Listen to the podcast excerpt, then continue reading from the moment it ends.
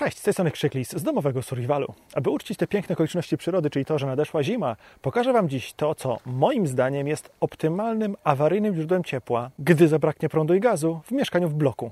Zapraszam!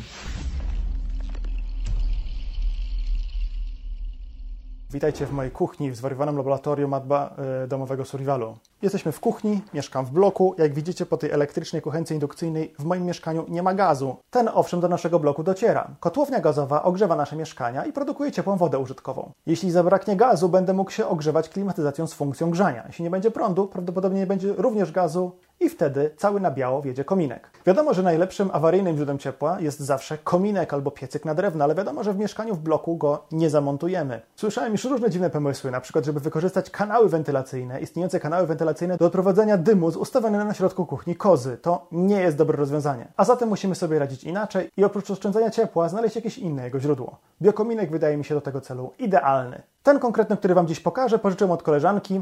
Doradziłem jej, aby kupiła dokładnie ten model, wymuszając na niej obietnicę, że potem pożyczy mi go do testów. I tak się więc stało. Odnośnik do miejsca, w którym można go kupić, znajdziecie oczywiście w opisie pod filmem. I jego producent umieścił tam film pokazujący, o ile zwiększy się temperatura powietrza w pomieszczeniu, w pokoju, w którym uruchomił biokominek. Taki test dla mnie jest niezbyt wartościowy, ponieważ o tym pokoju nie wiemy zupełnie nic. Dlatego spróbujemy zmierzyć wydajność kominka w sposób bardziej naukowy, albo przynajmniej inżynierski. Jak widzicie, ten biokominek składa się z stalowego paleniska umieszczonego w stalowej obudowie. Do tego są jeszcze dwie szyby. Tu jest taka zasuwka, którą można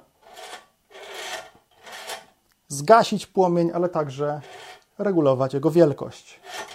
Sprawdzimy, jaka jest wydajność tego paleniska przy jego maksymalnym otwarciu. Do biokominka można dokupić takie właśnie oto piękne drewienka. Ich zadaniem jest wypromieniowywanie ciepła na zewnątrz. One mają się ogrzewać od tych płomieni. Oczywiście nie mogą stać bezpośrednio w płomieniu. Doradziłem trochę za duże względem paleniska. Żeby w miarę naukową metodą zbadać wydajność, moc takiego paleniska, sprawdzimy, jak długim czasie spali konkretną znaną ilość danego paliwa. To jest akurat płyn do kominków, który ma być 97% etanolu. Mamy ładną, dużą strzykawkę, wlejemy 50 ml paliwa, zobaczymy, jak długo będzie się palić. Nie jest to apteka, ale widać, że 50 ml paliwa mamy. Otwieramy palenisko. Co ważne, nie wolno dolewać paliwa do działającego paleniska, dlatego musimy wleć całą... O, super, narozlewałem trochę. Czy wlać całą ilość od razu? Nie ma znaczenia, że narozlewałem. Po co mi taka duża strzykawka w domu, zapytacie? No cóż, przecież jestem zwolennikiem szczepionek. I odpalamy. Zgasimy światła, żeby coś było widać tych płomieni. Alkohol jest o tyle mało bezpiecznym paliwem, że jego płomienie są właśnie bardzo słabo widoczne, dopóki nie zacznie się porządnie palić. Więc zgaśmy trochę świateł. O, coś tam widać, nie? Za jakiś czas, jak się porządnie rozgrzeje, płomienie powinny być dużo lepiej widoczne i powinny mieć taki właśnie pomarańczowy kolor, jaki teraz zaczynamy widzieć. Którą mamy godzinę? 22.37, kiedy zaczęliśmy ten eksperyment. No powiedzmy 22.36. Oczywiście zanim się rozpali porządnie, minie chwila. Zmierzymy czas pracy tego paleniska na 50 ml biopaliwa. Znając jego wartość opołową i przyjmując 100% sprawność tego spalania, będziemy w stanie obliczyć średnią moc. Niestety kamera termowizyjna niezbyt dobrze pokazuje działanie tego kominka, bo najwyższa temperatura, jaką potrafi zmierzyć, to 150 stopni, którą to palenisko przekracza.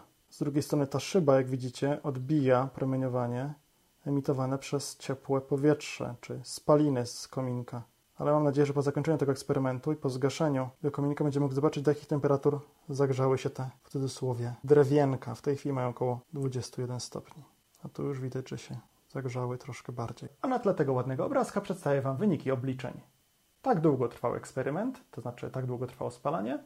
Tu macie wartość opołową paliwa, tu macie ilość energii wprowadzonej w 50 ml paliwa, a tu macie średnią moc paleniska. I jeszcze koszt pracy liczony dla kupowania tego paliwa w 5-litrowych baniakach. Muszę powiedzieć, że ten test zrobiony na 50 ml etanolu niespecjalnie mnie usatysfakcjonował, więc postanowiłem powtórzyć go na 100 ml.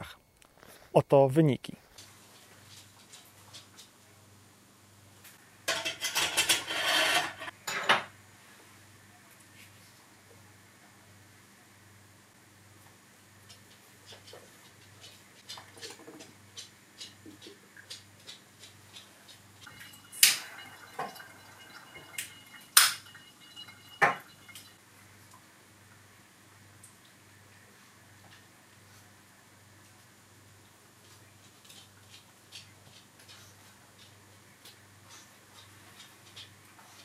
Czy za tym biokominek wystarczy, aby awaryjnie ogrzać jedno pomieszczenie w domu, kiedy nie będzie prądu i gazu? Moim zdaniem tak. Czy należy się obawiać wytwarzanego procentu tlenku węgla i wilgoci?